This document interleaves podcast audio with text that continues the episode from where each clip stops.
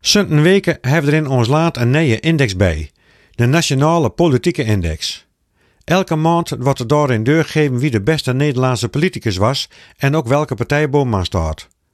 Trouwens niet alleen de nummers 1 daarvan met name noemt, alle Tweede Kamerleden en alle politieke partijen worden in die index opgenomen. Het gaat hier, hierbij niet om de vragen hoe populair de Kamerleden of partijen binnen bij de kiezers, of hoe vaak ze op de televisie of radio komen. Nee, de onderzoekers meten hoe waardevol de Kamerleden en partijen de afgelopen maand west hebben voor de politiek. En daarbij gaat het om hun meetbare bijdragen. En dat beoordeelden wordt dan op de drie hoofdtaken die er binnen in de politiek. Als eerste de wetgevende taken. Heel zwaar weegt het hierbij gelijks als het Kamerlid een wetsvoorstel indient het, dat uiteindelijk ook aannemen is. Als tweede hebben de controlerende taken. Hier kun je vele punten halen als lid worden van een parlementaire onderzoeks- of enquêtecommissie. En als derde vanzelfs de vertegenwoordigende taken. Hoe vaak was de politicus aanwezig bij de verschillende soorten van debatten? De onderzoekers maken alleen maar gebruik van de officiële cijfers die in de Tweede Kamer bijgehouden worden. De index merkt nevens heur dus duidelijk welke Kamerleden een waardevolle bijdrage leveren aan het functioneren van ons parlement. Het eerste Kamerlid dat bovenaan stond was Caroline van der Plas van de Boer-Burgerbeweging. Tenminste, als alle drie de politieke taken even belangrijk vinden. Maar als nou de wetgevende taken voor jou zwaarder weegt, dan staat Lisa Westerveld van GroenLinks bovenaan. Mocht je meer belang hebben bij de controlerende aspecten van het Kamerlidmaatschap, dan het Pieter Grinwis van de ChristenUnie.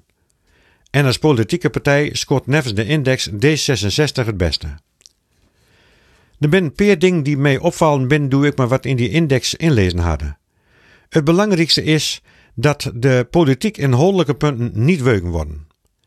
Het gaat bij die index alleen maar om objectief te meten zaken. Maar politiek gaat toch juist om de inhoud? Wat heb ik eraan dat Caroline van der Plas nummer 1 geworden is, wil zich niet achter haar partijprogramma staan kan? Wat levert het mij op dat op de partijindex D66 bovenaan staat, als dat niet de partij is door ik mij het meeste betuus viel? Maar ook eerder zaken merken dat ik mijn stemmen niet bepalen laten door de index. Zo ben ik ervan overtuigd dat er, vooral in de noordelijke provincies, bij verkiezingsvaak gestemd wordt op een kandidaat uit de eigen omgeving, om reden kiezers ervan uitgaan dat zo'n Kamerlid meer opkomen zal voor de belangen van die noordelijke provincies als anderen. Maar of zulke politici dat in de praktijk ook werkelijk nakomen, daar wordt in de index helemaal geen rekening met houden.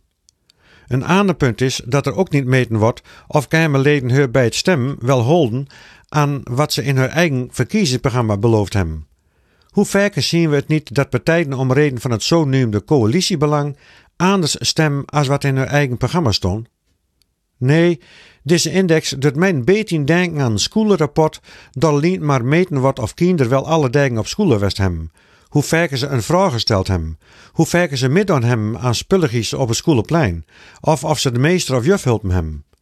Wil ze geen cijfers geven worden voor rekenen, taal, geschiedenis en grammateur.